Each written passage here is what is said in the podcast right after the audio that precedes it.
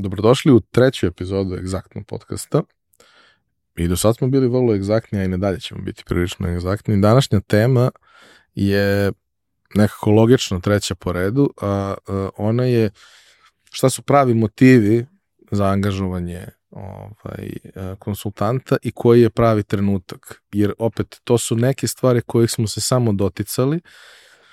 Pokušavamo da kroz ovaj uvod, kroz ovih nekoliko epizoda što se kaže na starom srpskom set the stage, odnosno postavimo okolnosti kako bi to bilo idealno. Pa sad u životu i poslu redko kad je sve baš idealno. Ali kada može da bude, ajde da bude malo više idealno, malo bliže idealnom nego, nego ne. E, zato i negde hoću da, da probaš da objasniš šta bi bili motivi uh, i uh, kakav tajming je idealan i to kroz primere uh, onoga što ste vi najviše radili. Zato što kao što smo pričali, konsulting pokriva jako širok dijapazon oblasti i naravno ima stvari koje su i u konsultingu interventne. Projekat koji se radi mesec dana da se nešto reši što je ono da se bocne negde nešto ali to nisu, to nije nešto o čemu će se nakon toga nešto pretarano dugo pričati, redko jest. Postoje nekoliko najčešćih tipskih stvari koje se rade i bilo bi super da ih pobrojimo, da za svaku od njih napravimo jedan okvir kako bi trebalo da se rade, u kom sastavu, koje vreme, sa kakvim očekivanjima i da onda prođemo kroz svaki od njih uh, kroz neku ilustraciju primjer, jer tvoji da. primjeri su super i ja volim da ih slušam. Dobro. Pa, ovako, motiv za dovođenje konsultanata je tak, taj da suštinski menadžment u tom trenutku shvata da sam ili ovaj, u nekom svom, kako kažem, tom menadžerskom okruženju jednostavno neke stvari ne može da uradi. Ili ne može dovoljno dobro, dovoljno brzo ili ne može dovoljno dobro, dovoljno brzo, ili nema dovoljno stručnih ljudi, ili suštinski ukoliko svoje najbolje ljude prebace na to, onda će trpeti neki drugi deo biznisa. Ok? Znači, to je potpuno moguće. A, principijalno, a, management consulting ima nekih svojih više a, linija. One koje su a, dominantne su strategije, i strategija su suštinski projekti koje mogu da idu od overall strategije te firme, koja može da bude promenjena ili može da bude updateovana ili može da bude na neki način osvežena.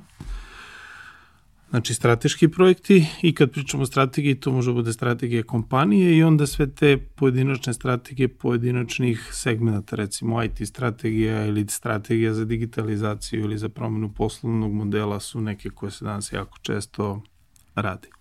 Znači ti strateški projekt, strateški projekat ulaska na nova tržišta. Recimo radimo tren, trenutno Evropu, hoćemo da radimo market entry u Ameriku i hoćemo da radimo market entry u Kinu, Rusiju, Indiju. Da. Na primer, na primer, da. baš za taj primer recimo širenja, širenja tržišta. Hoćemo da rastemo. Tako je. Tu gde smo, nemamo gde više da rastemo. Tako je. Ili smo udarili u plato ili ćemo vrlo brzo udariti u plato. Šta Tako možemo je. da uradimo? Tako je. Ima par opcija, ali jedna od njih je i ajde da vidimo gde još možda ima mesta za nas, na primjer. Tako je. I onda ako tako gledamo ovaj, e, da hoćemo da rastemo, onda ako hoćemo da rastemo, kako ćemo da rastemo? Možemo da rastemo organski, a to je da ćemo da osvajamo nova tržišta ili će, da ćemo da ubacimo nove a, proizvode ili ćemo da upsellujemo ili ćemo da cross-sellujemo ili ćemo da, ne znam, ubacimo neku novu liniju poslovanja, recimo, koja je komplementarna onome što mi trenutno radimo.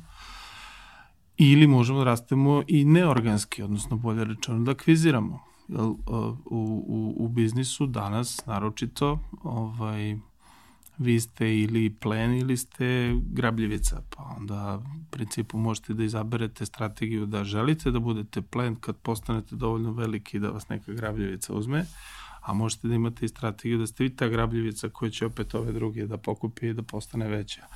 Jer ceo biznis i cela logika poslovanja, naročito u ovom setupu globalnom kakav danas postoji, se bazira na tome da se sva tržišta konsoliduju Ukrupnjavaju. Kako se ukrupnjavaju? Pa tako što za svaku pojedinačnu industriju, to je, to, to je i definitivno patent koji kao takav postoji, tržište kroz 30 godina, obično taj ciklus traje 30 godina, dođe do toga da imate jedan, dva, ako je jedan onda je monopol, ali obično su dva ili tri key playera koji drže 85% tržišta.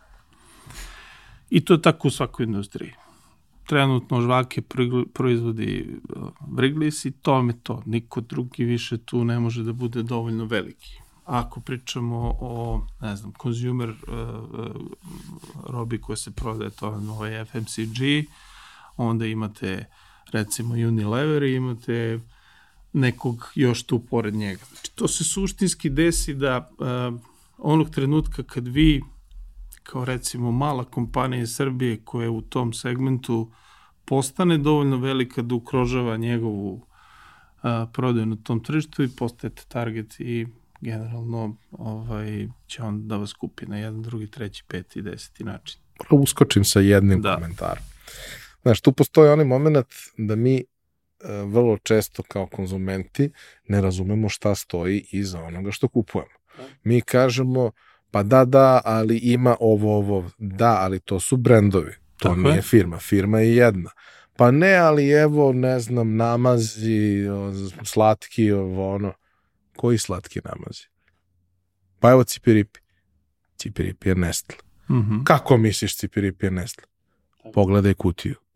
I on gleda i kaže, jebote, pa nije bio. Pa nije bio, ali to tako funkcioniše. I postoji razlog zašto to tako funkcioniše, jer kad si veliki, lakše je.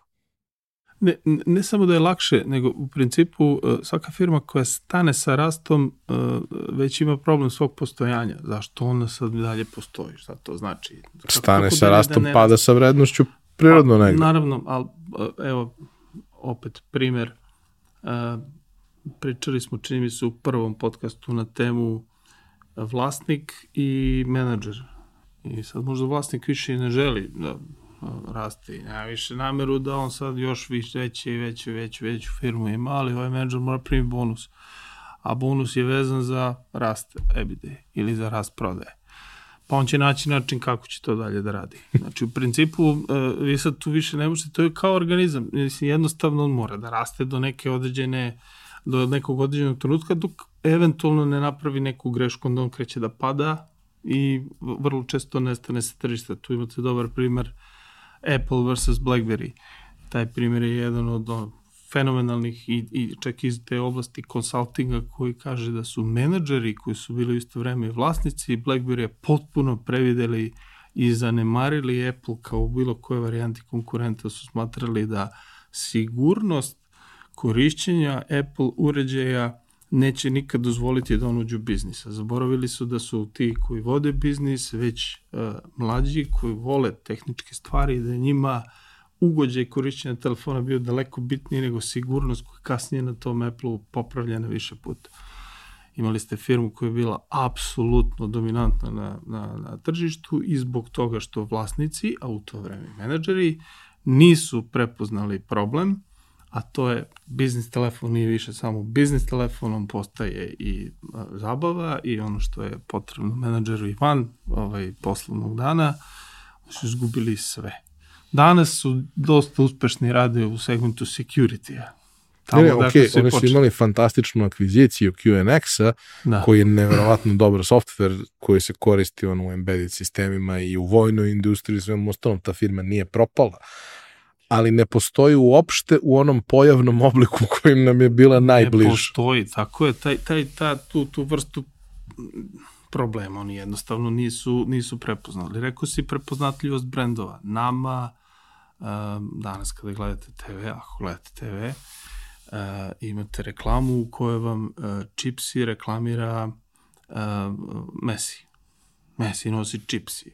Pa to nije Chipsi, to on snimio za Lace pa je onda to naravno prevedeno u Chipsi. Mao, Chipsi to je on snimio za suštinski isto što i Lace, a to je PepsiCo. I iskreno, ovde u fabrici u Srbiji se pravi i Lace kao što se pravi i Chipsi. Proizvodni kapaciteti su proizvodni kapaciteti, a brand je brand. bilo je potpuno sumanuto da čipsi kao prvi brend u Srbiji za čips nestane i da se pojavi neki Lays kog niko nije znao, je li tako? To bi bilo por, porazno za tu kompaniju. I Zašto bi to radila? Za mnoge brendove tog tipa kod nas, koji su prvo i osnovno love marks, a onda sve drugo, brendovi koje ljudi vole, tako je, tako možeš ti da napraviš bolje nešto. Nemoj da mi napraviš bolje, daj mi ono na čemu sam odrastao, jer to je taj ukus koji ja volim. mane, da. Daj mi ono pakovanje koje nisam volao. sa onom čokoladom koja nije baš nešto ukusna, ali u toj kombinaciji je takva kakva jeste. Nemoj dirati takva kakva je. Ima sto alternativa, ali jest. ima jedna bananica. Jest, tako je. Elem, koje još vrste postoje projekata na kojima se radi? Rekli smo strateški i ti generalno menjuju pravac e, kompanije ili generalno daju neku vrstu uh, rešenja koje će dovesti do rasta, uglavnom rasta. Imate operativne projekte koji generalno gledaju u operations deo, odnosno onaj deo koji kaže kako se neke stvari sad iz te strategije isprovode, je li tako? I onda imate tu različite segmente. To može da bude proizvodnja, pa onda idemo na optimizaciju proizvodnje. To može da bude razvoj proizvoda, pa da pogledamo produktni portfolio, profitabilnost proizvoda, portfolio proizvoda, da li uopšte treba bude toliko veliki, ne treba da bude i tako dalje i tako dalje. Što je procesi koji suštinski su ultra bitni zato što oni dovode do efikasnosti, ako ih niste dobro definisali ili ih niste pogledali end to end, odnosno od početka do kraja, koji je uvek cross funkcionalan, onda nećete moći da odradite svoj posao kako treba. Postoji IT kao bitna komponenta koja jeste s jedne strane i strateška, ali jeste i full operativna, zato što sad svako radno mesto praktično bilo koje varijanti ima neku vrstu IT-a. Ako čak i nije sam računar, onda je neki IoT ili neki senzor ili nešto što će suštinski da ovaj, se koristi opet u te nekim sistemima. Imate sales koji opet ima svoju strukturu, jer prodaja nije umetnost, to je suštinski zanat i to je suštinski proces i to je suštinski rudnik. Znači prodaju koja kaže efikasnost prodaje koliko smo mi uspešni u samoj toj prodaji, kako je on organizovana, kako postoji, kako radi, imate nabavku, i tako dalje i tako dalje. Sad u zavisnosti od, industri, od industrije imate različite segmente tog nekog operativnog posla. To su uglavnom dva tipa, znači strateški ili operativni i ta dva tipa konsultinga suštinski su oni koji se radi kroz management consulting. Imate drugi deo i to obično ljudi mešaju, ovde mi je jako bitno da probam da objasnim. Uh, kad kažete consulting, obično se setite Deloitte, KPMG-a, Price, Waterhouse, i Ernst Younga. Da, s tim što oni imaju i management consulting kao takav, ali im je prime business i oni od koga najviše ovaj, generalno zarađuju, dakle su generalno i krenuli je taj takozvani finansijski consulting, odnosno auditing. Oni rade reviziju uh, finansijskih izveštaja i oni rade finansijski consulting i rade consulting u transakcijama, odnosno I poreski, sve što ide uz to. ostalo, tako je. Znači to su potpuno dva različita konsult, tipa konsultanta. Šta je jako bitno objasniti? Ako ste revizor, ne možete da budete konsultant, jer je to sukob interesa. I to generalno velike kompanije po svetu jako dobro razumiju i znaju i u svojim risk profilima uvijek imaju da ukoliko je, na primjer, price revizor, u tom periodu godina kad je price revizor, ne smiju da rade ni jedan management consulting projekat. Te dve strane su potpuno u sukobu interesa. To su dva osnovna neka tipa konsultinga. Postoji sad još HR, koji je sad sve više bitan, on je generalno dosta dobio, naročito poslednjih godina, tu se, tu se jako puno radi i sad imate ovaj, obzirom na globalizaciju, ta, ta priča postaje jako, jako, jako bitna imate specifične IT tehničke konsultante koji rade tehnički deo, pa recimo Accenture jako često radi i consulting na nivou definisanja recimo uh, funkcionalne specifikacije određenog segmenta koda za specifičnu aplikaciju. Znači daje vam i taj neki još uh, dodatni konsultant i tako dalje i tako dalje. E, hajde da te vratim koji minutu nazad. Čisto da objasniš zašto revizor iz PVC-a i konsultant iz iste firme su u sukobu interesa. Jasno mi, ali aj ti objasni. Uh mhm. -huh. Pa, e, u suštini, e, revizor gleda finansijske podatke i suštinski tretira te finansijske podatke na određeni način. On vrlo dobro poznaje a, taj, ajde kažemo, finansijski aspekt tog nekog poslovanja i na njega može da utiče na, kroz to što bi neke stvari eventualno promenio. On mora da da nezavisno mišljenje u odnosu na menadžera koji podnosi taj finansijski izveštaj. A što znači da njih dvojica u suštini ne bi trebalo na bilo kakav način da komuniciraju i da utiču na te finansijske izveštaje. To je suština ovaj, tog sukoba interesa. Te dve stvari jednostavno ne idu jedno s drugim. Znači, ja kao nezavisni konsultant, odnosno, izvinjavam se, revizor, ja kao revizor gledam samo tvoj finansijski izveštaj i da li ti radiš onako kako si ti propisao da ćeš da radiš. To je I kad vidim da nešto nije okej, okay, ja te pitam ja tebi dam nalaz da ti to nisi uradio kako treba i ti to onda posle ispravljaš. I suštinski to ne bi trebao da radim ja, jel tako? Jel onda bi ja kroz te, ako ništa drugo, mogu da napravim gomilu tih nalaza iz kojih ću ja posle da ti prodam consulting projekat, što je opet sukob interesa i to se ne radi. Dobro, ok. E sad, pitanje tajming. Uh mhm. -huh. Da ne kažem u skladu sa tradicijom ovih prostora uvek je sve kasno. Mhm. -huh. Uvek se sve kreće bar sa dva meseca zakašnjenja u da. odnosu da. na idealan termin. E, ajde se ne bavimo sada time e, da sve kreće sa dva meseca kašnjenja u odnosu na idealan termin. Ajde se bavimo time kako treba da izgleda taj proces i koliko on u normalnim okolnostima traje, pa kad znamo koliko on u normalnim okolnostima traje, znamo otprilike kad treba da počne. Mhm. -huh. Misliš koliko traje consulting projekat to? Koliko traje taj trenutak eh, kad ti shvatiš da bi nešto trebalo, da. razmisliš ko ti treba za tako nešto, možda napraviš i neku vrstu jeli, tendera, poziva, razgovora, svega to. To traje, sve to traje neko vreme. Pripremiš možda neku vrstu mini zadatka, nečega, šta god. Znači, prolazio si kroz različite situacije, neke su bile više klasične, neke manje klasične, ali svaka oduzima neko vreme. Da, Mi da naravno. da treba da se dogovorimo tri kafe da popijemo, to će da prođe mesec dana. To je tačno, da. Pa, ajde ovako da probamo lead time za consulting projekat traje negde između 3 i 6 meseci. Može traje i do godinu dana. Ok, znači taj izbor samog konsultanta podrazumeva neku gomilu koraka ispred toga. Jedan je taj poslednji je taj tender, odnosno ta uh, neka, neka vrsta odabira, ali tako može bude pozivni, pa ću pozvati tri specifična, čisto vidim različite ovaj, cene, možda bude direktni, hoću, ne znam, Exactu ili McKinsey direktno za to, zato što znam da oni to rade. Ali principijalno pre toga mora se definiše šta je to što je projekat, mora se definiše šta je to što je scope, mora da se identifikuje problem. E sad, ceo consulting uvek počinje od toga da ili identifikujete problem, problem ili identifikujete priliku. Ok? Ili jedno i drugo isto vreme. Uh, ja tu jako često koristim primer krize uh, koja se desila 2008. godine sa ovaj, sa globalnom krizom, kod nas stigla malo kasnije, ali suštinski to je ta jedna velika globalna, poslednja velika globalna, ako ovu sad koja polako se zahuktava, ne računamo ko krizu još uvek, makar je tako još uvek ne, ne definišemo.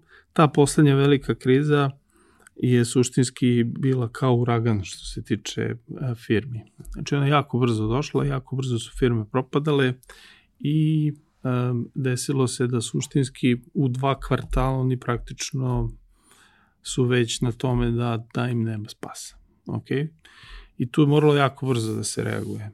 Uh, principijalno, jedan, dva do tri kvartala loših rezultata koji nisu u skladu s onim kako treba vi principijalno još uvijek možete da reagujete ako vam je recimo pad prode 20%.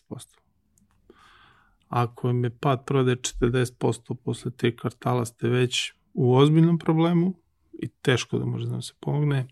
Ako vam je pad prode 60% u tri kvartala konsekventno, naročito za velike firme, I naravno već mnogo idete u prodaju i... aseta i sve Da, ostalo. ali varira od varira od industrije industrije, industrije, jer industrije. negde su marže to, takve da i 20% je katastrofalno.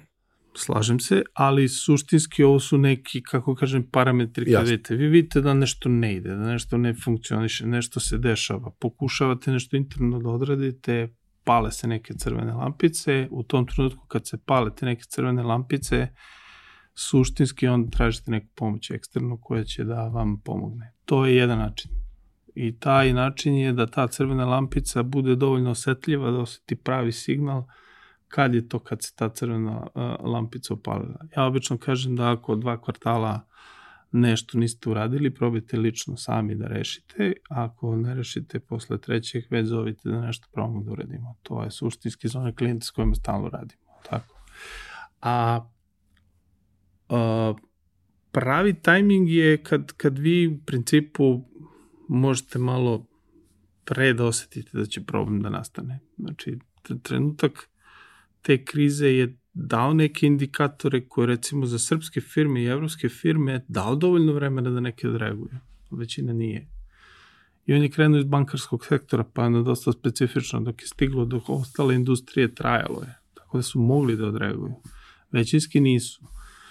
Uh, consulting je tu ultra interesantan kad imate period rasta, odnosno to kad ekonomija rasta, onda obično radite strategije, sales, growth i sve ostalo, a onda kad a, krene nizbrdo, onda se kreće na cost, na optimization, na efficiency i sve ostalo. Imate ciklus. I ti ciklusi su baš kao ekonomija, ide malo gore, ide malo dole. Pravi tajming je kad shvatite da to što želite i to što je negde generalno krajnji cilj ovaj, on, on, onog što vi radite, a to je da upravljate firmom, ne možete da ostvarite sobstvenim snagama. I to je trenutak kad pozovete konsultanta. Ili ne morate čak ni da pozovete konsultanta, možete sedeti popijemo kafu, pa ćemo da se ispričamo, pa negde umeđu vremenu i u ovom ne ovako kao čičetu, mi ćemo da dođemo do neke teme koje će vam da upali neku lampicu. Znači, krenete da tražite neku vrstu rešenja. Daću vam jedan jako dobar primjer kako recimo ovaj, Accenture globalno partneri ovaj, imaju princip da a, sa svojim key accountima, a to su neke globalne firme s kojima oni ovaj, imaju projekte, njihovi partneri obično lete na frekventnim letovima između pojedinih korporativnih centara. I, i onda koriste taj ono, uh, air, airplane i airport time da suštinski hvataju klijente i da uhvate vreme koje je prazno obično. To, to, to je vreme u kome oni nisu u poslu, nisu na sastancima, nisu ni na čemu i tu generalno identifikuju to što bi trebalo da bude budući projekat. To je, eto, kuriozit, oni to tako rade, obično ja sam, ovaj, imam prijatelja koji rade za Accenture i on kaže, pa ja letim jako puno, ne samo zbog projekata, nego da pravim društvo i da ovaj, uhvatim šta je sledeći projekat koji ću da radim. Um, jedan moj vrlo blizak prijatelj, koji je daleko uspešniji od mene, doduše i stariji, pa možda se stignemo u nekom trenutku, Uh -huh. um, je vrlo, ima, ima vrlo neobične savete koji imaju tu lepu osobinu da kad ih čuješ treba ti otprilike pet godina da ih skapiraš i onda se setiš, a na to je mislio. Uh -huh. I sad, pošto se mi znamo skoro 20, ja sam imao dosta saveta koje sam tako shvatao posle jedno 2, 3 do 5 godina. Sad se smanjio malo taj gap, uh Mhm. -huh. znaš. Ali mi on pre par godina rekao jednu, jednu stvar o kojoj ja razmišljam od tad. To je bilo, kad kažem pre par godina, jebi ga desio se COVID, pa više to ništa nije par godina, nego je to bilo realno neposredno pre COVID-a. On rekao, znaš, ja angažujem konsultante onog trenutka kad je sve super. Uh -huh. Jer to samo znači da ja nešto ne vidim. Uh -huh. I da je to što je trenutno super, to je okej okay, i to je posledica nečega što smo mi radili pre šest meseci, godinu, dve, tri, pet, dobro. Nama je super. Mi smo se opustili. Uh -huh. Nismo svi, sigurno, neki su se i naložili, Mhm. ali 10% se opustilo. Mm. Tih 10% što se opustilo će vremenom dovesti do 10, 20, 30, 40% pada ako nešto ne uradim. Ja neke stvari mogu da vidim, tu sam, prisutan sam i tako dalje. Neke stvari ja ne mogu da vidim. Da. Neke stvari, neka, neke smernice u kojima mogu da idem sa poslom, da li kroz pivotiranje ili kroz otvaranje novih ovaj, nekih, da kažemo, grana u okviru posla, mogu da vidim, ispratim sajmovi, pričam sa ljudima, gledam šta se radi na razvijenim tržištima, sve to, sve to stoji, sve je to okej, okay, ali to nije dovoljno Mhm. a ja nemam u firmi osobu sa kojom mogu da pričam o tome, zato što su oni sjajni operativci i to im je posao. Da. Ponekad će oni dati ideju kakvu neće dati niko drugi, ali to nije predvidljivo, ja na to ne mogu da se oslonim. I ja kada je sve okej, ja krenem da pijem kafe. To je sjajno i to je super pristup i, i, i generalno ja imam dosta klijenata koji vole sa mnom da popiju kafu i da odemo na ručak ovaj, i to mm, e, nije samo zbog toga što ćemo piti kafu ili ovaj, pojesti taj ručak, nego da se malo ispričaju, da kažu šta im se dešava, da negde u tom nekom razgovoru uhvate nek, neki eventualno ili savet ili da identifikujemo neki problem koji, koji tu može da postoji. To je česta pojava nije, nije, nije redko da uh, mislim postoji još jedna još jedan metod koji velike kompanije ovaj, umeju da iskoriste, a to je uh, puste tender koji neće nikada da se zatvori. Uh, oni skupe ponude, ne bili skupili ideje o tome šta sve može da se radi od određenih konsultantskih kuća. Ja to obično zovem taj IC grabbing, odnosno krađa intelektualnog kapitala. Ali ja da bi objasnio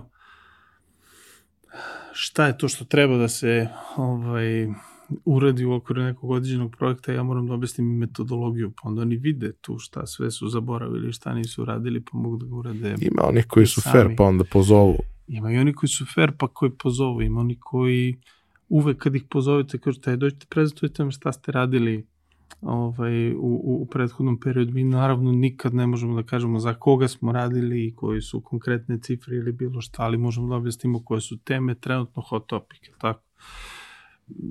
Evo, prošle godine smo radili 4, 5, 6, ja mislim sve zajedno, sad gledam, prošle godine u okviru ovih zadnjih godinu dana IT strategija i sve su uvijek na, na, na istu temu, taj bridge legacy to digital koji je generalno sad postao već ono, hot topic toliko da i definitivno ovaj, naročito u finansijskim institucijama i negde u telekomima to sad postaje ultra hot topic, tako?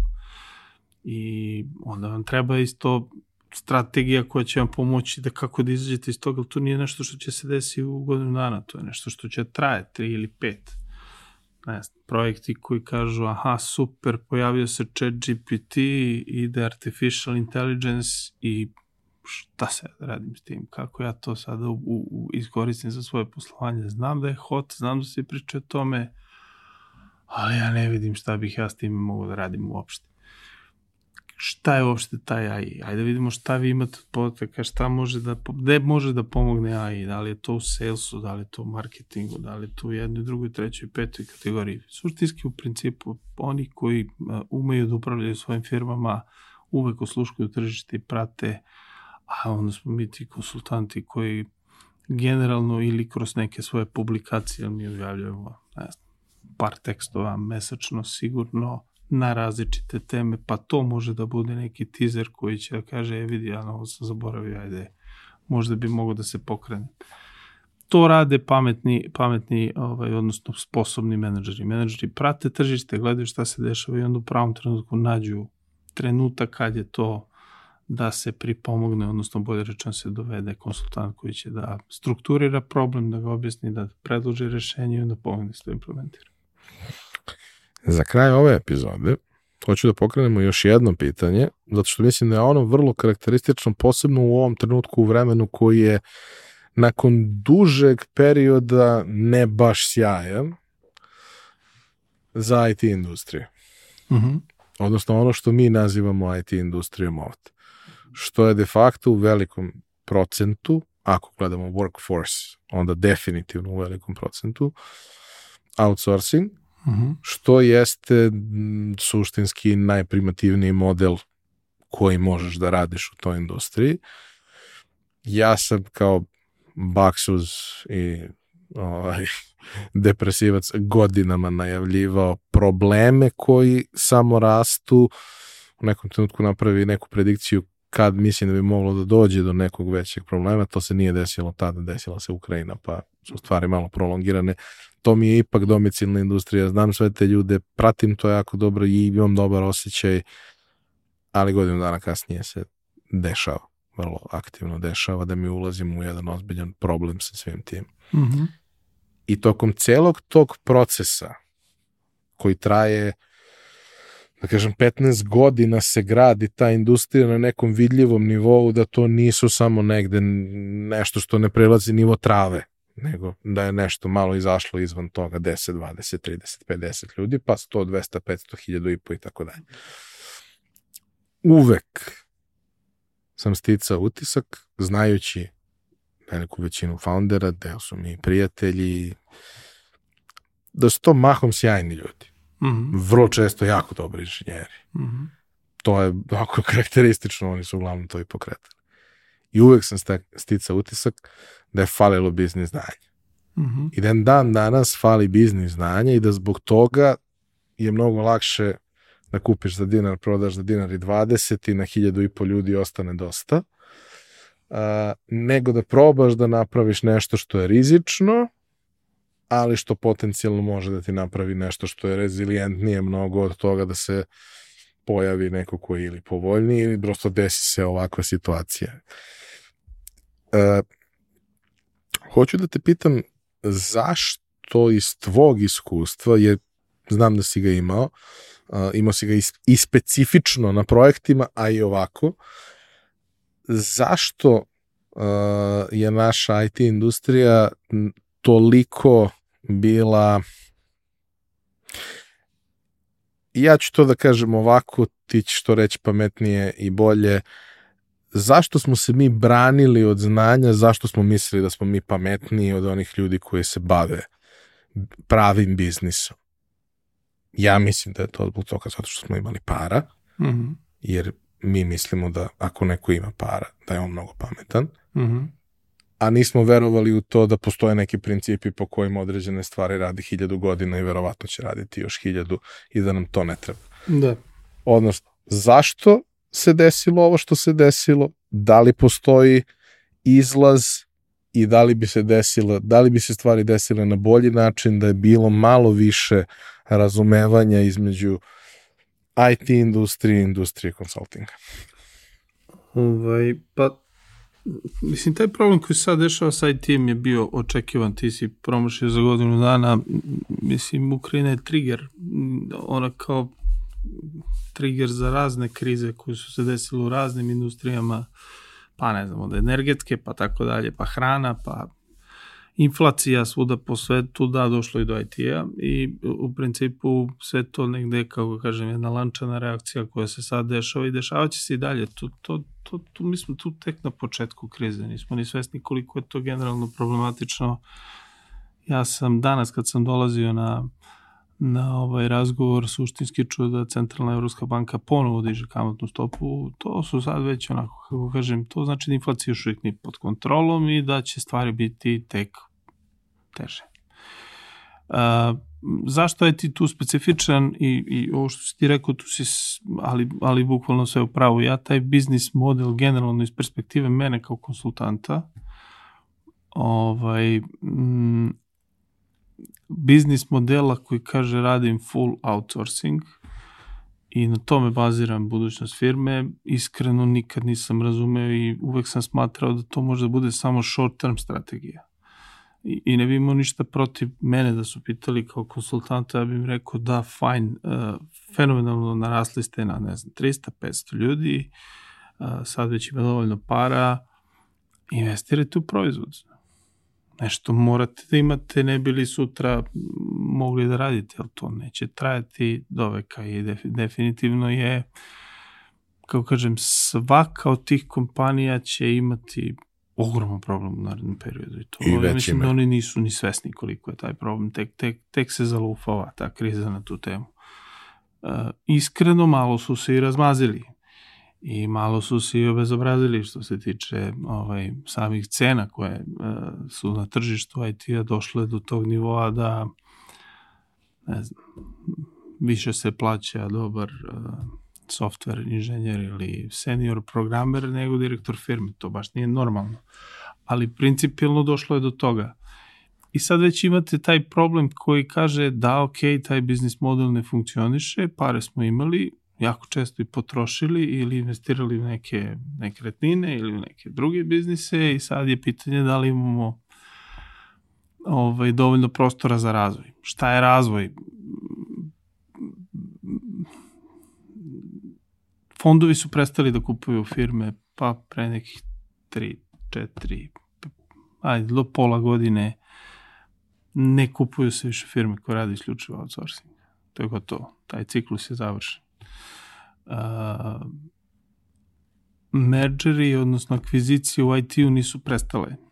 Fondovi dalje investiraju, ali isključivo ukoliko imate proizvod. Taj ciklus nije stao. Da li je bilo dovoljno para? Pa sigurno. I mislim da to bio krajnje jednostavan biznis model koji ih je uljuljkao. I zato se to i dešava što se dešava. E, zato sad već imate e, čitave talase otpuštanja u tom nekom segmentu, zato su ti ljudi, ti ljudi sad onako sve više na tržištu, pošto ih je bilo puno, tu se postavlja onda i pitanje kvaliteta, pa onda je vrlo diskutabilno da li je to sve bilo dovoljno kvalitetno, čak i u toj postavci, kad imate 500 ljudi, vi 3, 4, 5 njih koji ne znaju dovoljno, ne vidite, ali ako ih je ako ih neko sutra angažuje, on će ih videti koliko su dobri. Ja mislim, dobri. iskreno, mislim da je to najbolja stvar koja je mogla da se desi product industriji, zato što ti sad na tržištu možeš da biraš kvalitetne ljude i oni će da budu srećni što su došli tu. Toga ima. Slažem se.